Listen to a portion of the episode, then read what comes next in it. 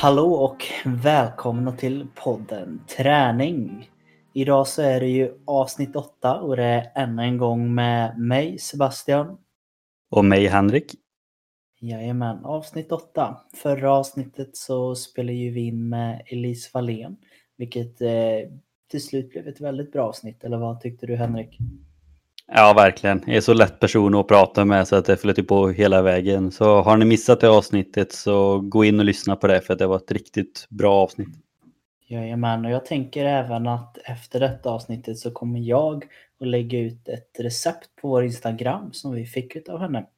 Så det kan vara värt att gå ut och kolla på. Vad var receptet på? Det var ju på den här vaniljsåsen, minns du den? Oh. Ja, den får man nästan testa själv också. Ja, men faktiskt. Första raw food eh, grejen man gör. Ja, det är bra. Vaniljsavsnittet är bra. eh, men i alla fall, idag så är det avsnitt 8 och det här avsnittet kommer att vara som en liten fortsättning på vårt tidigare avsnitt som handlade om rädslor. Men denna gången så kommer detta avsnittet istället att handla om misslyckande. Eh, och syn på misslyckande, motgångar, Eh, lite hur det har påverkat oss även kanske lite andra grejer som kommer upp. Men jag tänker att vi kan börja prata lite om just hur misslyckande har varit för oss eller hur vår känsla inför misslyckande ser ut just nu och hur den såg ut förut. Kan du börja prata lite om det Henrik? Ja, och det har ju varit en, för min del har det varit en väldigt stor skillnad för från och med nu. När jag var yngre var det ju, man, alltså, Ja, men lite som jag nämnde där i avsnittet om rädsla, att jag var ju väldigt här, rädd för att sabba för egna laget och det var ju inte jättemycket misslyckande utan det var ju mer att jag var, jag var rädd för att misslyckas men man åkte inte direkt på så många misslyckanden utan men jag var ju så att som kunde byta ut mig själv och liknande men det är ju ändå inom fotbollen som den första smällen kom eller man kan säga.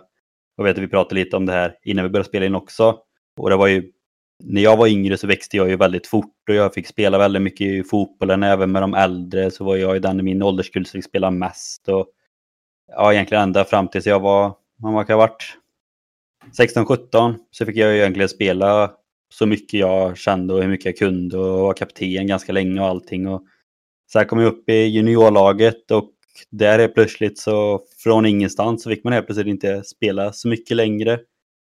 Eh, Jämfört med vad man brukar.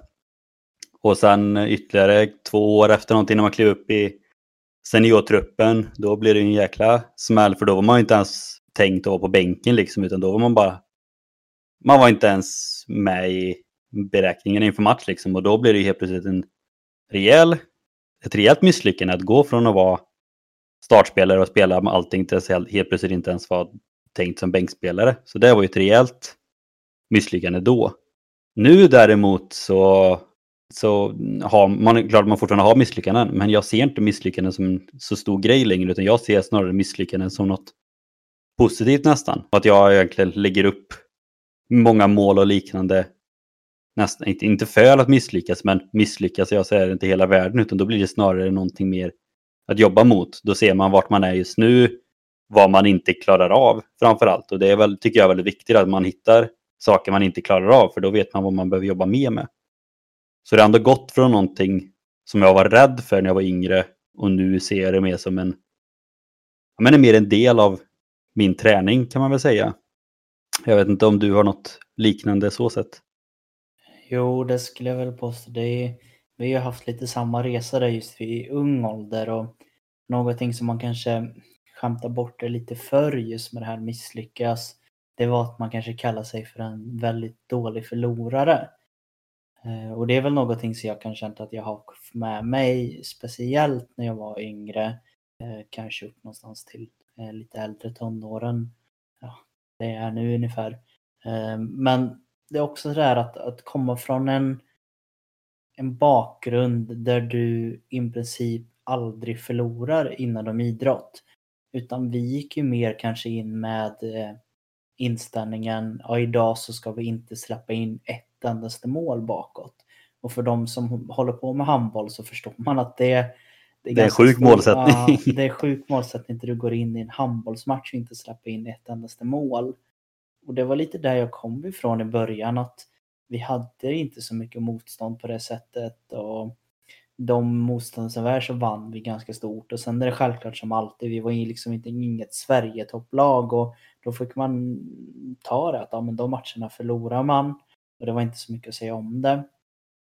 Men även sen när man blev äldre för mer personlig del, det var väl där som det blev lite svårare för mig att även jag blev att jag inte lyckades riktigt. Att jag fick inte ut jag hade inte samma raka väg framåt och det är nog någonting som jag efterhand har reagerat på att det var inte jag riktigt förberedd på. Och det är någonting som jag saknar lite att kanske någon hade pratat med mig och även satt andra, vad ska man säga, mål på en faktiskt. Ja, det känns ju också lite som att framförallt i ungdomsidrotten, eller för många unga överlag, nästan oavsett vad det gäller, att antingen så brukar det vara att man får väldigt många motgångar, vilket gör att man, man slutar och man tröttnar för att det är ju verkligen inte kul att åka på motgångar hela tiden. Och sen finns det de som aldrig åker på en motgång och ja, men man kan skämta lite så här, glida på en räkmacka liksom, att allt går så jäkla lätt hela tiden. De flesta går ju den ena eller den andra vägen. Medan det bästa är att hitta liksom ett mellanting av båda. Och det är ju väldigt svårt, alltså det är inget man kan riktigt bestämma över själv hela tiden. Men jag tror att det är ett väldigt bra sätt så som ja, du pratar om där, att man ibland lägger lite högre krav också just för att få känna på ett misslyckande. För att har man inte stött på ett misslyckande under hela sin ungdom och sen plötsligt gör man det i äldre tonåren eller vuxen ålder, då blir det en jäkla käftsmäll. Ja, och det kan det verkligen bli. om det här kan ju liksom vara även för varje individ så kan det ju bli att alla reagerar ju olika vid misslyckande eller motgång. För någon kanske det till och med kan vara ett misslyckande i den stunden där det då är mer som en triggande effekt. Att man känner att nej men gud, nu får jag verkligen ta tag i det och man jobbar ännu hårdare mot vilket mål man än har satt upp för. Jag tror också för många i många situationer så blir det lite som den här liksom Ja, nej men ha, luften liksom går ur en. Man vet inte riktigt vad man ska göra och det blir liksom som riktigt som där som du sa käftsmäll att man blir väldigt ställd liksom.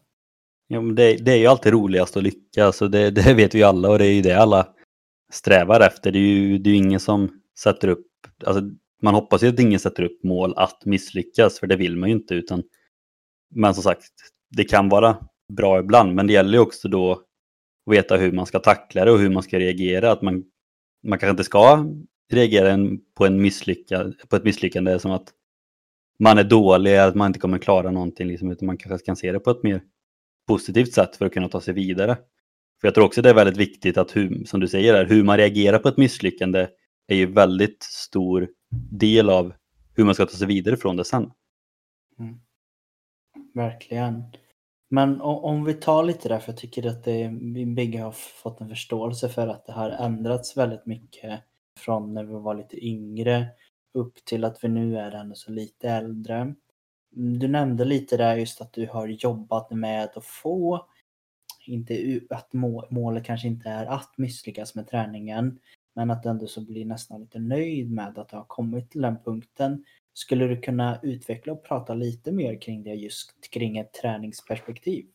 Ja, men för mig, om jag, jag kan ju ta mitt exempel nu egentligen, om jag håller på med OCR-löpning. Alltså när jag började med OCR-löpning så satte jag ju upp målet att jag ville kvala in till EM. Och för de som inte är involverade i OCR kan jag tänka, eller så låter det som ett helt sjukt mål för en som inte håller på med, eller för en som inte hållit på med den idrotten innan. Men det är, när det kommer till OCR så kan man ju kvala in antingen via elit eller någonting som heter age group, alltså åldersklass egentligen. Så det är inte jätte... Ja, jämfört med andra idrotter så är det kanske inte lika svårt att kvala in till EM. Så att jag satte ju det här målet, för jag tänkte det, det är ett kul mål och jag ser det som möjligt. Och det var ju många som sa till mig också liksom att ja, de sa alla att man är dum, sjuk i huvudet eller dum i huvudet. Men man förstår ju att vissa undrar vad man håller på med och sätter ett sånt mål. Liksom. Men för mig var det lite så här att ja, men lyckas jag kvala in till EM så är ju det jäkligt mäktigt för mig liksom att, och jäkligt kul att få åka till Italien och springa ett EM. Liksom. Det är ju hur mäktigt som helst. Skulle jag inte kvala in så är det snarare bara att nej, men då vet jag vad jag, vad jag klarade av. Jag vet vad jag inte klarade av. Vilket innebär att till nästa år så vet jag ju vad det var jag inte klarade av för att kvala in till EM. Alltså har jag ett helt år på mig att träna på de sakerna till året efter. Så, och samma sak var det egentligen med SM som var i somras som var en av mina första tävlingar nu då på grund av corona. Och det var samma sak där liksom. Jag så ju, ja, jag kan antingen så skiter jag i att anmäla mig för att jag vet att jag inte kommer ha någon chans på guldet.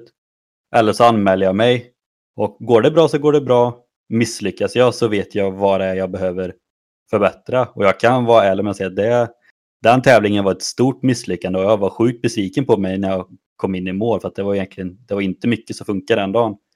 Men efteråt så är det ju ändå fortfarande ett... Jag är nöjd att jag gjorde den tävlingen för att det misslyckandet gjorde att man fick en helt ny perspektiv, perspektiv på vad jag behöver träna på, eh, vart jag står just nu, vad som krävs på en tävling. För att, och det var inte vilken tävling som helst, det var en SM-tävling som var väldigt jobbig. Och då vet jag att det som krävs på en sån tävling kommer krävas, för, minst det kommer krävas för kvala in till EM. Så att trots en misslyckad tävling gav ju mig otroligt mycket mer än vad jag hade haft om jag inte hade anmält mig från första början. Det är väl det, det är mycket av misslyckandet innan man har faktiskt utsatts för det. kan ju vara en lite läskig känsla att man ska hamna där och även när man är där är det inte så kul men som du verkligen sa där att efteråt så kan man säkert hitta mycket lärdom i en motgång. Ja, jag vill verkligen vara tydlig med det också att alltså just i stunden så, du pratade om det innan, just hur man reagerar vid ett misslyckande och att hur man reagerar vid det för stunden, det är egentligen skitsamma. Alltså, det är klart att man är, jag har haft hur många löptävlingar som helst och jag är nästan förbannad över resultatet och liknande, utan det är ju det är hur man tar det just efteråt, hur man ser tillbaka på det. Och tänker då om man fortfarande är lika arg som man var kanske vid målgång. Eller om man ja, men en vecka, två veckor, en månad efteråt kan se det positiva i det istället. Jo men verkligen så. Det låter ju så klyschigt att säga att man måste misslyckas för att till slut eh, lyckas men det, det, det, hänger ju någonting på det lite som Albin sa där, desto mer klyschigt det låter desto mer sant brukar det oftast vara och det, det håller jag väl med här om just motgångar och misslyckanden. Det, det, man tar mycket lärdom av det bara man är öppen för det. Ja, men om man, om man aldrig vågar misslyckas så kommer man ju bara sätta mål som man vet att man klarar av. Men då kommer man aldrig pusha sig någonstans. Då kommer man aldrig ta sig vidare. Alltså har man som mål, även om det är ett mål att ja, man vill lyfta 100 kilo bänkpress. Men sätter man liksom delmål typ eller så här att ja, men, börja på 50 kilo liksom. Och så här, och så för att man vet att man klarar det. Men då blir det ju egentligen ingen vits med att klara det heller för att man vet att man gör det.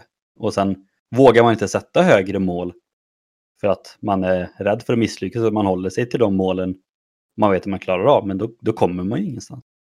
Nej, och det är lite kul att du sa det. Det är också man för lite mer in kanske på det mesta jag själv jobbar med just med misslyckande just genom från att gå från en idrottsmässig till att gå kanske till och med gymmässigt och personlighetsmässigt, hur man kan eh, jobba vidare och liknande. Vi pratade lite kort om det innan också, men mycket och faktiskt vissa pass som jag går och tränar och gör ett gympass på så är jag klar när jag först har misslyckats. Och med det jag menar, jag hade ett sånt pass för några dagar sedan här. För er som är lite aktiva på er Instagram så såg ni att jag la ut en liten story där det stod att idag är en PB-dag. Och för de som inte vet vad det betyder så betyder det personbästa dag. Det betyder att jag testar av och ser lite vart jag ligger emot vart hur jag har planerat att jag ska ligga. Och då går det alltså ut på att jag ska lyfta en vikt. I det här fallet så gjorde jag lite knäböj. Och då kör jag att jag lägger, la på mer och mer vikt tills jag inte klarade att lyfta mer vikter helt enkelt. Och i den stunden så är det när jag stod där och skulle lyfta upp och inte jag får upp den utan jag behövde hjälp från eh, min gymkompis som jag var med då och lyfta upp den. Där och då är det ett himla misslyckande. Eh, jag var inte så jätteglad för jag kanske hade önskat att jag skulle lyft lite tyngre och gjort det lite finare. Men efteråt så är det liksom att ja, men nu misslyckades jag. Hur, vad kan det bero på? Då får jag ta lärdom av det och sen kunna korrigera för i slutändan så är det ändå så något positivt i det för jag har blivit lite bättre mot vad jag sist i alla fall. Men det också visar att jag är på väg mot mitt mål liksom. Ja, i det läget så blir det ju som sagt också att där har du ju verkligen pushat dig tills du inte kan lyfta mer. Och jag tror också det är viktigt också när man kommer till, ja, men framförallt med lyfta och men även när man springer och liknande. Att det är en sak, så du var inte nöjd med det du lyfte, du hade velat kunna ta lite vikt till. Men samtidigt körde du ändå på tills du inte kunde lyfta mer och då kan man inte göra så jättemycket mer den dagen. Det är samma sak om man springer till exempel, att man vill springa milen under 50 minuter eller under timmen. Och sen när man kommer in i mål så är man helt slut. Man kan inte göra något annat. Man svimmar nästan för att man har ingen energi kvar. Och ändå har man inte kommit under målet. Det är då är det ett misslyckande för att man inte har kommit under målet. Men man har ju ändå gjort allt vad man kan. Det hade varit skillnad om till exempel nu då på din dag när du lyfte. Om du inte klarade så mycket som du hade velat. Fast du ändå kände att du hade kraft kvar. Då är det ett helt annat misslyckande för de har ändå kraft kvar att ge. Men nu hade du verkligen inget mer att ge och då kan man inte göra så mycket annat. Nej, och det gäller ju att hitta det där och som du sa att man har faktiskt kört 100% och jag tänker vi kan koppla vidare lite för att den här punkten eller det vi pratar om är ju nu faktiskt en, en liten fortsättning från en lyssnarfråga från grunden och där om jag minns helt rätt så var det liksom mer personen i frågan skrev rädslan för att misslyckas. Mm. Och de orden i sig är lite så här att ja, det, det, kan alltid finnas en rädsla. Men på ett sätt så ser jag det som ännu mer positivt att misslyckas än att vara rädd för att misslyckas. För har du misslyckats då har du i alla fall försökt att göra någonting. Ja, om man bara säger som sagt, om man är rädd för att misslyckas, då kanske man inte har gjort det man har tänkt att göra. Eller man kanske inte har misslyckats med att göra det, utan man har egentligen inte ens försökt.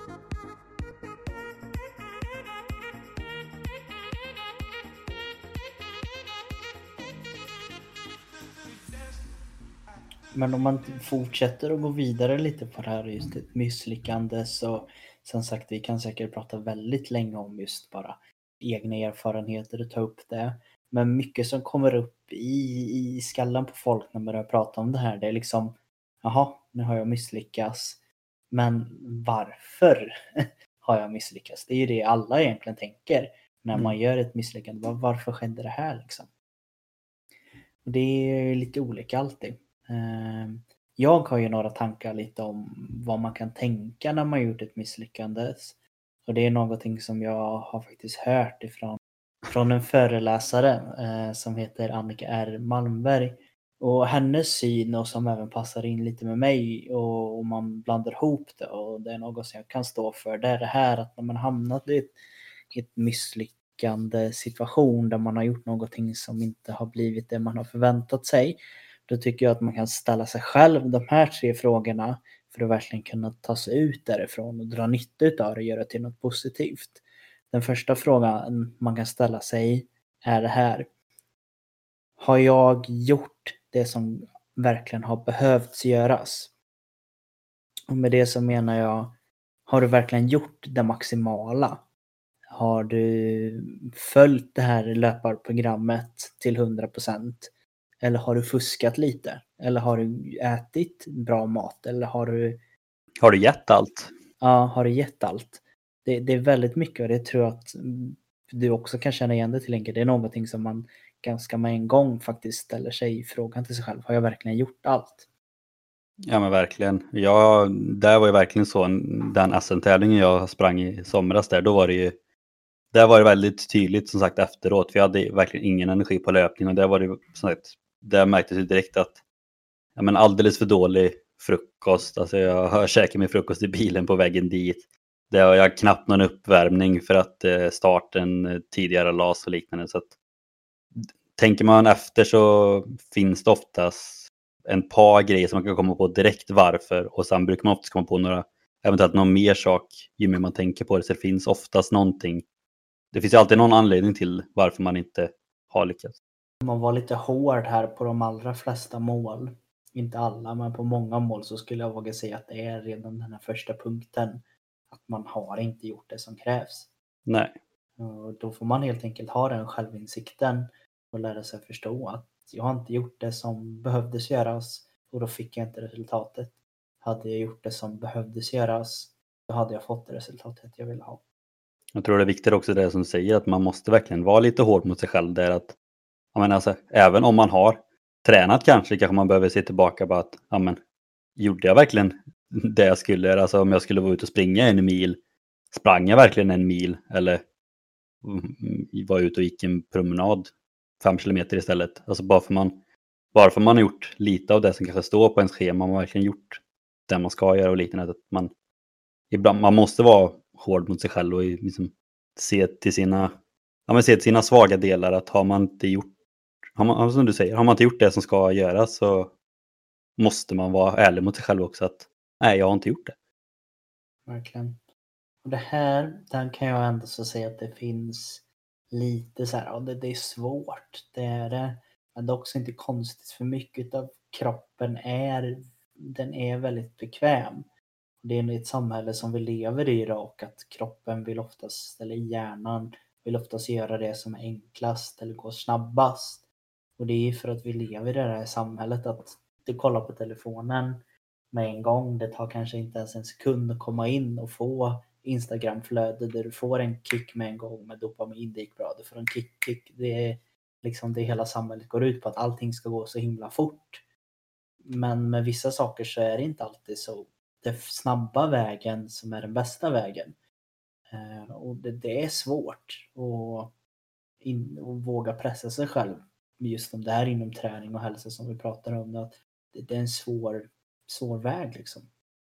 Om man går vidare lite då, om man har ställt sig den här frågan, har jag verkligen gjort allt det jag, som krävs liksom? Om man kommer fram till, ja men det har jag gjort. Då kan man ställa sig nästa fråga och det är den här, har jag rätt förutsättningar eller rätt kunskap för att klara detta? Rätt förutsättningar kan ju vara så som Henrik pratade om där att ja, jag kanske hade gjort det som skulle behövt göras. Vi leker med att du har verkligen gjort det nu med löpningen och allting där innan. Men det kanske inte var rätt förutsättning att det blev framåtskjutet eh, starten. För det ger inte optimalt. Ja, då finns det en liten grej där. Eller det kanske hade varit så att Henke inte har rätt kunskap alls utan han han vet inte hur man tränar för ett OCR-lopp. Då är det självklart att det skulle kunna vara en grej. Nu är inte det så i det här fallet, men det är någonting som jag tror att man ska ställa sig själv. Och har man inte den kunskapen så är det ju väldigt bra tips att ta hjälp av någon. Alltså även om man är tveksam, det finns så många med, med rätt kunskap och liknande, så att är man tveksam på upplägg eller hur något funkar eller liknande så finns det alltid folk som hjälper till i alla möjliga prisklasser och det finns gratis på nätet och det finns PTS för flera tusen. Liksom, så att, men även där behöver man ju vara lite självkritisk så att man inte får vara för stolt heller utan är man osäker så är det ju bättre att ta hjälp av någon som kan istället för att anta att man kan det själv. Ja, men faktiskt. Och även om man har bra kunskap från början i vissa ämnen så är det liksom jag såg en väldigt bra text när jag tänker kan vara bra jämföra lite med som jag tror för många kan vara lite ett uppvaknande. Det kan mycket väl, om man tar som exempel, det kan vara mycket väl vara så att du i tidig ålder har blivit väldigt duktig på att köra bil. Du kanske har lärt dig själv, du kanske har varit på en privatmark där du har kört lite och du känner dig ganska duktig. Men i slutändan så kommer det ändå så vara för de allra flesta att man tar några körlektioner för att lära sig de lite så här små detaljer man tar hjälp av någon som kan området. Är det så att du börjar att bergsklättra, men då tar du hjälp av en bergklättringsinstruktör. Är det så att du ska lära dig simma och du kan göra det själv, men oftast i skolan så får man hjälp av en simlärare. att I alla andra ämnen då är det ganska självklart att man tar hjälp av de som kan lite bättre, men just med träning har det blivit nästan lite tabu att man ska, man ska inte be om hjälp. Liksom. Jo, det kan jag ju också vara ärlig och säga själv. Till, alltså, sagt, nu har jag läst snart tre år på idrottsvetenskap och har en gedigen träningsbakgrund och allting. Men när det kommer till till exempel styrketräning och liknande, det är inget som har varit jättestort intresse för mig och därför har inte jag fokuserat jättemycket på att lära mig det. Så även om jag har, jag har fortfarande bra kunskap i det, men skulle jag vilja lägga upp ett optimalt kanske styrketräningsprogram för mig för att bli bäst på OCR så hade jag ju troligtvis tagit hjälp av någon ja, men, mer erfaren inom OCR och mer erfaren inom styrketräning för att kunna lägga upp ett bra schema. Så liksom, även om man kanske har, som du säger, där, bra kunskap och, och erfarenhet inom någonting så finns det troligtvis fortfarande folk som kanske har, ändå har lite bättre koll som man kan ta hjälp av. Vi repeterar lite men de allra bästa har oftast någon med sig oavsett vad det är man pratar om. Självklart så kan eh, Ronaldo vara Ronaldo, han är duktig men han har ändå sin coach och lagkamrater som hjälper och stöttar han. Självklart är Zlatan Zlatan men han har också en tränare. Det är liksom varenda en ber om hjälp eller bara ha någon att bolla idéer med kan göra väldigt mycket med att komma ifrån det här misslyckandet och göra det till något positivt istället. Ja, verkligen. Nummer tre då, det är när man har ställt sig även fråga två och man bara, jo men jag kanske har rätt kunskap, jag har rätt förutsättningar, men det funkar fortfarande inte. Då kan det helt enkelt vara den sista punkten och det är att du har ett bristande självförtroende. Med det så menar jag helt enkelt att du har gjort allting rätt, du har kunskapen, men du tror inte på dig själv. Du tror inte att du ska lyckas. Och det är ett väldigt mindset som kommer göra det extremt svårt. Det kanske inte låter som så himla mycket. Men jag tror att de flesta som lyssnar idag och även Henrik kan känna igen sig att har man gått in med ett självförtroende att man inte ska klara det. De allra flesta gånger så klarar man det inte. Ja men så är det ju verkligen. Jag brukar ju alltid, jag brukar alltid säga det eh, inom, nu blir det mycket fotboll ändå, men det är det man har mest erfarenhet inom. Men oavsett vilket lag jag möter eller vilken säsong man går in i så har jag alltid målsättningen om att ja men, ja men vi ska vinna. Det, den målsättningen hade jag även min första säsong som huvudtränare trots att jag var helt oerfaren. Bara att nej men, alltså, vi vill vinna serien. Jag säger inte att vi ska vinna serien. Men det är klart att vi vill vinna serien och vi kommer göra allt vi kan för att försöka vinna serien. Och det är det jag tycker att det har blivit lite tabu just med det här att våga våga sikta högt. Men jag tycker att det är en väldig skillnad på att säga att man ska vinna en tävling kontra man vill vinna en tävling. För jag tycker, jag tycker även det är samma sak framförallt inom sportvärlden att alltså även om realistiskt kanske, realistisk kanske är att man försöker hålla sig kvar i en serie, att man inte vill åka ur, så tycker jag att har man det som målsättning både i laget men även utanför till exempel att ja men, ja, men vi ska inte åka ur i alla fall. Eller om man är på någon tävling, bara, ja, men jag ska inte komma sist i alla fall nej, då, man, man kanske kommer näst sist då eller femte sist. Och då är frågan, ja du kommer inte sist men var det fortfarande det du strävar efter? Jag skulle lägga det som att det är väldigt svenskt. Ja, verkligen. Den är svenska, bara den här att många svenskar idag säger om man jämför med amerikansk säger man ju att amerikaner de är bortskämda, de, de tror så mycket om sig och men det är liksom, där är det den kulturen. Där är det, frågar man ett collegelag i fotboll, då säger de att vi ska bli, vi ska bli mästare denna säsongen. Och sen så frågar du de som kom sist förra året och banne mig kan de lika väl också säga men vi ska vinna detta året, inget problem. Det är för att där har det blivit okej, okay, medan i Sverige har det blivit liksom så här att jag ska göra det här. Ja men nu trampar du på andras tår, det där får vi inte göra. Det, det är inte schysst. Det, det är ju verkligen så att man ska inte ta plats utan men ibland så kan det vara bra, kanske inte att man ska bli helt arrogant men den här att man sätter de här målen som är höga och har lite buffert på liksom. Jag tycker bara det är så kul för att hur sjukt den låter det du säger så är det ju så sant. Ja, det, tyvärr. Det, tyvärr ja.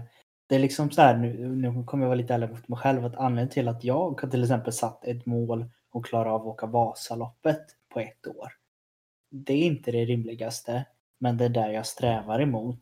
Vilket i mitt huvud säger att ja, det är kanske inte är 100% chans att jag kommer klara det. Men hade jag bara lärt, satt målet som kanske är rimligt att jag ska lära mig att åka bra, då hade inte jag ens lärt mig åka någorlunda. för jag satte så lågt mål. När, jag, när man sätter ett sånt på ett högt mål så att det för vissa känns orimligt och man själv till 100% tror på det målet, då kommer man att nå mycket, mycket längre än om man har sett ett lågt mål. Ja, men det var ju precis det jag nämnde innan också mm. med att jag satte eh, EM som mål också. Som sagt, det är, ett, det är så väldigt osvenskt mål och det är väldigt högt mål. Men det är samma sak som du säger där, liksom att hade jag haft som mål bara, men jag ska, jag ska springa ett OCR-lopp liksom. Det, är också så här, det blir inte liksom lika kul och då blir det också så här, ja men träningen man lägger ner för att klara ett OCR-lopp kontra träningen man lägger ner för att kvala in till EM. Och det är samma sak som du säger där med Vasaloppet. Träningen du lägger ner nu för att klara av Vasaloppet kontra om du bara hade haft som mål att du vill lära dig åka längdskidor liksom. Då kanske du hade åkt längdskidor en gång varannan vecka eller var tredje vecka och det hade räckt. Men liksom, hur mm. kul blir det då? Nej, det är det. Sen så har både du och jag det mindsetet så för oss är det lite självklart att pressa oss.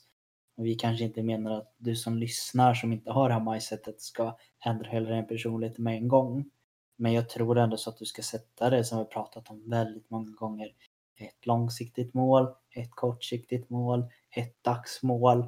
Och sen så då har du en liten chans att hinna göra de här misslyckanden på att ah, men jag lyckades inte med det. Ja, men då kan man korrigera. Så kommer man upp till medellångt mål och jag lyckades inte. Det, det är mycket planering om man är just rädd för misslyckandet. Att har du planerat så kommer det inte vara så hårt för dig.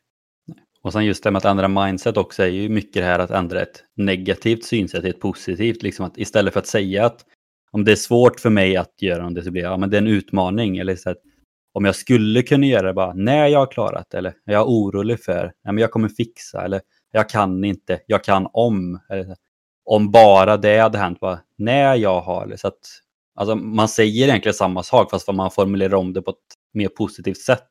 Så ändrar man ju hela sitt mindset och då får man ju mycket mycket positivare bild om sig själv också och då höjer man ju sitt självförtroende för att allt, inte kanske inte allt man säger, men det mesta man säger lägger man fram på ett mer positivt sätt. Ja, det går man tillbaka till lite den här där vi säger att jag nämnde lite att hjärnan är ganska lat och vill alltid ta det, det lätta väget. Nu är det inte alltid så att hjärnan är jättedum utan det är en ganska smart hjärna vi har, självklart. Eh, men hjärnan tror på väldigt, väldigt mycket bara man säger eller gör det. Ska jag ta ett exempel på just det här med positivitet? Någonting som jag använde extremt mycket i säljaryrket var det då faktiskt som personlig tränare. Det var att skulle jag gå in och prata med en kund i det här laget eller en klient som jag ville skulle fortsätta med mig och jag kände att då var jag inte riktigt på G liksom. Jag, jag är ganska trött, det är tidig morgon och allting. Det jag gjorde då var att jag gick in till toaletten. Jag hade med mig en penna. Den här pennan stoppade jag i munnen och så bet jag på den. Ganska hårt, inte jättehårt, men jag bet på den. Och sen så log jag ganska stort så att händerna syndes. Så jag bet samtidigt och sträckte upp händerna ovanför huvudet. Och stod där och kollade i spegeln och log och bet på den här pennan. Hade någon kommit in då hade de ju trott att jag är lite mentalt galen. Men det, det som sker då är att man skickar signaler till hjärnan att du ska bli glad. Det, det finns forskning på detta. Det, det ska hjälpa en lerman så blir man aktiv, mer vaken och mer glad. Vilket dels kan det säkert vara väldigt mycket bara att man, man gör det och man tror på det och då råkar det bli. Men det är även en sån kort grej utav att jag intalar mig själv att jag ska vara glad och pigg gjorde att jag alltid blev glad och pigg det, det make no sense men ändå så sense och lite så är det så exakt som Henrik säger där att intalar du dig själv bra saker då kommer du tro på det och kroppen kommer följa efter. Intalar dig att du kommer att misslyckas, att du kommer göra dåliga saker, då kommer kroppen att göra det för det är det den är beredd på. Exakt. Och sen, alltså, bara för att man tänker positivt och så är det inte alltid att man kommer lyckas heller. Men man är mycket större möjligheter till att göra det än om man tänker att man ska, ja, att man inte kommer klara det alls. Ja, För då är chansen i stort sett noll nästan att man kommer lyckas. Ja, faktiskt. Men den, det tipset ska jag fan testa för det lät lite kul ändå. Testa det. Det är liksom något, det är ett jättedumt sätt men det har verkligen gått. Jag har inte hittat på det här själv utan det här fick jag höra från en av mina coacher som hade hört det från en av sina coacher. Alltså så här, och då sa jag det till dem. Jag coachade en det, det hjälper. Ett tips till alla som lyssnar, gör det om du vill bli pigg så får du... Kör på. Ja. Kan ni skicka in en bild till oss också samtidigt? Jajamän, och tagga pen challenge. jag vet inte, eller, eller get happy challenge. Ja, det, det är lätt bra. Get happy challenge. Men just det här med mental träning är någonting som du har fastnat lite för och även har lite kunskap kring Henrik. Ja, det är något som jag verkligen har fastnat för och det är också någonting som vi har eventuellt pratat om att ta ett helt avsnitt till så jag kommer inte prata jättemycket om det men mental träning är någonting som jag egentligen hade noll koll på innan jag började universitetet men något som har blivit väldigt viktigt för mig nu de senaste två åren i alla fall och som jag nyttjar nästan dagligen. Och mental träning finns i massa olika former men den vanligaste och den som jag använder mest och den som jag kommer att prata lite om nu är framförallt visualisering. Och visualisering är helt enkelt, ja, man, man kan säga kort och gott att man eh, dagdrömmer lite. Alltså, man kan titta men oftast att man, liksom, man blundar och man tänker sig in i en situation. Antingen som man har gjort eller som man ska göra. Jag brukar ju göra den väldigt ofta, både när jag spelar fotboll men även inom OCR. Liksom. Och då, liksom, kan bara släcka ner rummet, sätta mig i en fåtölj eller om jag ligger i sängen eller liknande så blundar jag. Och så försöker jag tänka mig igenom hela banan eller om det är något hinder som jag tycker är extra svårt liksom. Men visualisera mig själv hur jag ska klara det. Och så finns det olika sätt också man kan göra. Antingen kan man se sig själv i först, som första person som man lever i vanliga fall. Eller så kan man se sig själv som tredje person. Och då kan man, om man då har ett hinder eller någonting man tycker är svårt, så kan man ju då börja med, om man ser sig själv, hur det kanske är idag, att ja, men för mig brukar det vara som ett, ett hinder, tycker jag att det är svårt, så kan jag se mig själv, ja, men först att jag kanske misslyckas, och då försöker jag se mig själv, ja men hur ska jag göra liksom nu? Jag men så här att, ja men det är ett hinder jag ska hoppa, eller jag hänger i en stolpe och så ska jag slänga mig till nästa stolpe liksom, och så kanske jag trillar ner och, på backen. Eh, och då försöker jag liksom se mig själv att ja, men, ja, men jag reser mig upp, borstar av mig, går lugnt tillbaka, andas, skiter i alla runt omkring så kanske oavsett om de hejar på eller om de skrattar, bara skiter om det, fokuserar på mig. Ett djupt andetag, hoppar upp igen och ser mig själv klara en andra gång. Och sen springer vidare. Och det är ett tips som jag verkligen ger till alla att även om det kan kännas löjligt ibland så visualisering är väldigt bra och det, det har blivit väldigt stort det senaste. Jag vet inte om du också håller på något med sånt. Men... För mig jobbar jag kanske lite mer visualisering mot ett slutmål. Ehm, det jobbar jag kanske mer med. Det är inte så mycket, jag borde jobba mer med det där och då när jag jobbar med det, men för mig är det kanske mer att jag, jag tänker att eh, nu börjar den här träningsperioden och så blundar jag och tänker att men hur ser det ut när jag står där och har lyft upp så här mycket kilon efter ett halvår? Hur kommer jag känna mig när jag lyfter upp de här kilorna i marklyft? Eller hur kommer det att kännas? Att, eh, och hur glad blir jag när jag lyckas och äntligen dra upp det här efter ett halvårs tid? Eller, och jag även tänkte mot Vasaloppet och hur skulle det kännas att komma i mål där eller stå liksom att till viss del använder jag det. Ehm, Men det är fortfarande på ett positivt sätt då. liksom. Ja, alltid. Det, Ja. det är självklart att det kan komma in spöken i skallen så för många att man visualiserar sig och känner sig så här, ja men nu ser, nu ser jag ut så här, varför ser jag ut så? Det är, det är inte så jag vill se ut i min diet. Eller, och då tänker man ju på det, men då märker man ju att hela en själv blir jättenegativ och man kanske slarvar med träningen eller det kan alltid komma in dåliga bilder i skallen och men alltid är det ju mer mot större slutmål jag brukar jobba med. Ja, och det som du säger att det alltid kan komma in negativa delar och det är, det är på ett sätt bara bra, även om man visualiserar sig, men det är just det att då får man också oftast tänka hur man ska ta sig vidare från det. För det blir som vi pratade om där innan, att om man bara fokuserar på det negativa hela tiden så blir hela kroppen och en själv, både där och då men även i framtiden så går det ju mot en sämre del. Men eh, om man har, då har det negativa och så försöker man tänka hur man ska vända det negativa till något positivt. Om det är något som går dåligt, som man vill klara av eller något som inte funkar. Liksom.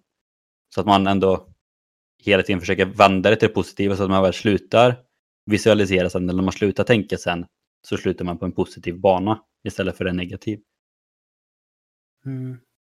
Det är som sagt som man nämnt massor med gånger bara det här nu att det, det är ett stort ämne det här just med eh, motgångar och hur man bekämpar och allting sånt. Och det, det är inte lätt och det är alltid enkelt att sitta när man inte är sitsen och prata om att det är så lätt att ta sig därifrån. Men jag tror mycket om man tar bara lite hjälp eller hittar någon punkt som vi har pratat om idag som kan hjälpa en. Antingen när man är i ett misslyckat läge eller rädd för att misslyckas och du tar med dig det och det hjälper dig mot att ta dig ut därifrån, från den här negativa delen av misslyckandet. Då kommer man till slut komma förbi det och komma in lite där vi är på väg i alla fall, eller har satt en liten fot i både jag och Henrik, att ett misslyckande inte bara negativt utan det är som sagt, det är bara en liten, liten del på vägen mot det större målet.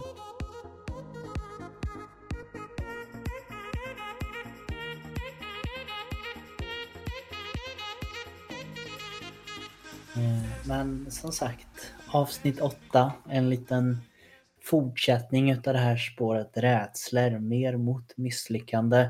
Jag tycker det också var ganska viktigt att vi tog det här lilla sista, dels för att det var faktiskt en önskan från en fråga och även dels att det hjälper till att fylla i det här lilla sista från avsnittet med rädslor. Ja, och sen som sagt, det är ett intressant ämne som vi säger varje gång, men det är just att misslyckande låter ju så negativt och många använder det som en negativ grej. Och, men som vi har sagt i egentligen hela avsnittet, bara för att man misslyckas med någonting så behöver det inte vara en dålig grej utan att egentligen snarare se, se, en, fortsätt, se en fortsättning på sin resa istället för att bara ge upp. Ja. Så med de orden så säger vi väl egentligen att ta med dig så mycket som möjligt från det här avsnittet. Och eh, vi ska väl egentligen försöka börja runda av lite det här åttonde avsnittet tänker jag. Um, som vanligt så vill vi ju att ni ska dels följa oss på våran Instagram, ett träningpodcast. Sen så vill vi ju självklart också att ni ska följa oss på alla podcastplattformar. Yes, som sagt, vi eh, lägger upp avsnitt varje torsdag så att ni vet om. Det är bara att ställa klockan. Vi brukar lägga upp det direkt vid midnatt. Och eh, med plattformarna så finns vi i dagsläget på Anchor, Breaker, Google Podcast, Pocketcast, Radio Public, Spotify och snar framtid även Apple Podcast. Jajamän. Och de sista orden som jag vill skicka med er är om ni vill att det är någon speciell person som ska vara med som tredje gäst här i våran podcast, skriv in. Tagga den personen kanske i en av våra inlägg. Vi kanske kan lägga ut ett sånt inlägg, tänker jag Hanke. Ja, det skulle kunna göra. Det hade varit lite intressant. Ni, vem skulle ni vilja att vi ska intervjua? Och så får ni bara tagga personer ni känner eller personer som ni ser upp till eller vem som helst. Så ska vi självklart försöka göra så gott vi kan och få dem att komma och vara med på detta. Oavsett om det är någon lokal person som bara är expert i något ämne eller om det är någon influencer eller någon sportproffs eller liksom vem som helst. Oavsett hur stor eller liten den är så hade det varit intressant att veta vilka vill ni, var, ni vill ha med så får vi lösa det. Ja, exakt ja. Med de orden så tänker jag att vi som vanligt tackar så mycket för att ni har lyssnat på denna podcast ännu en gång.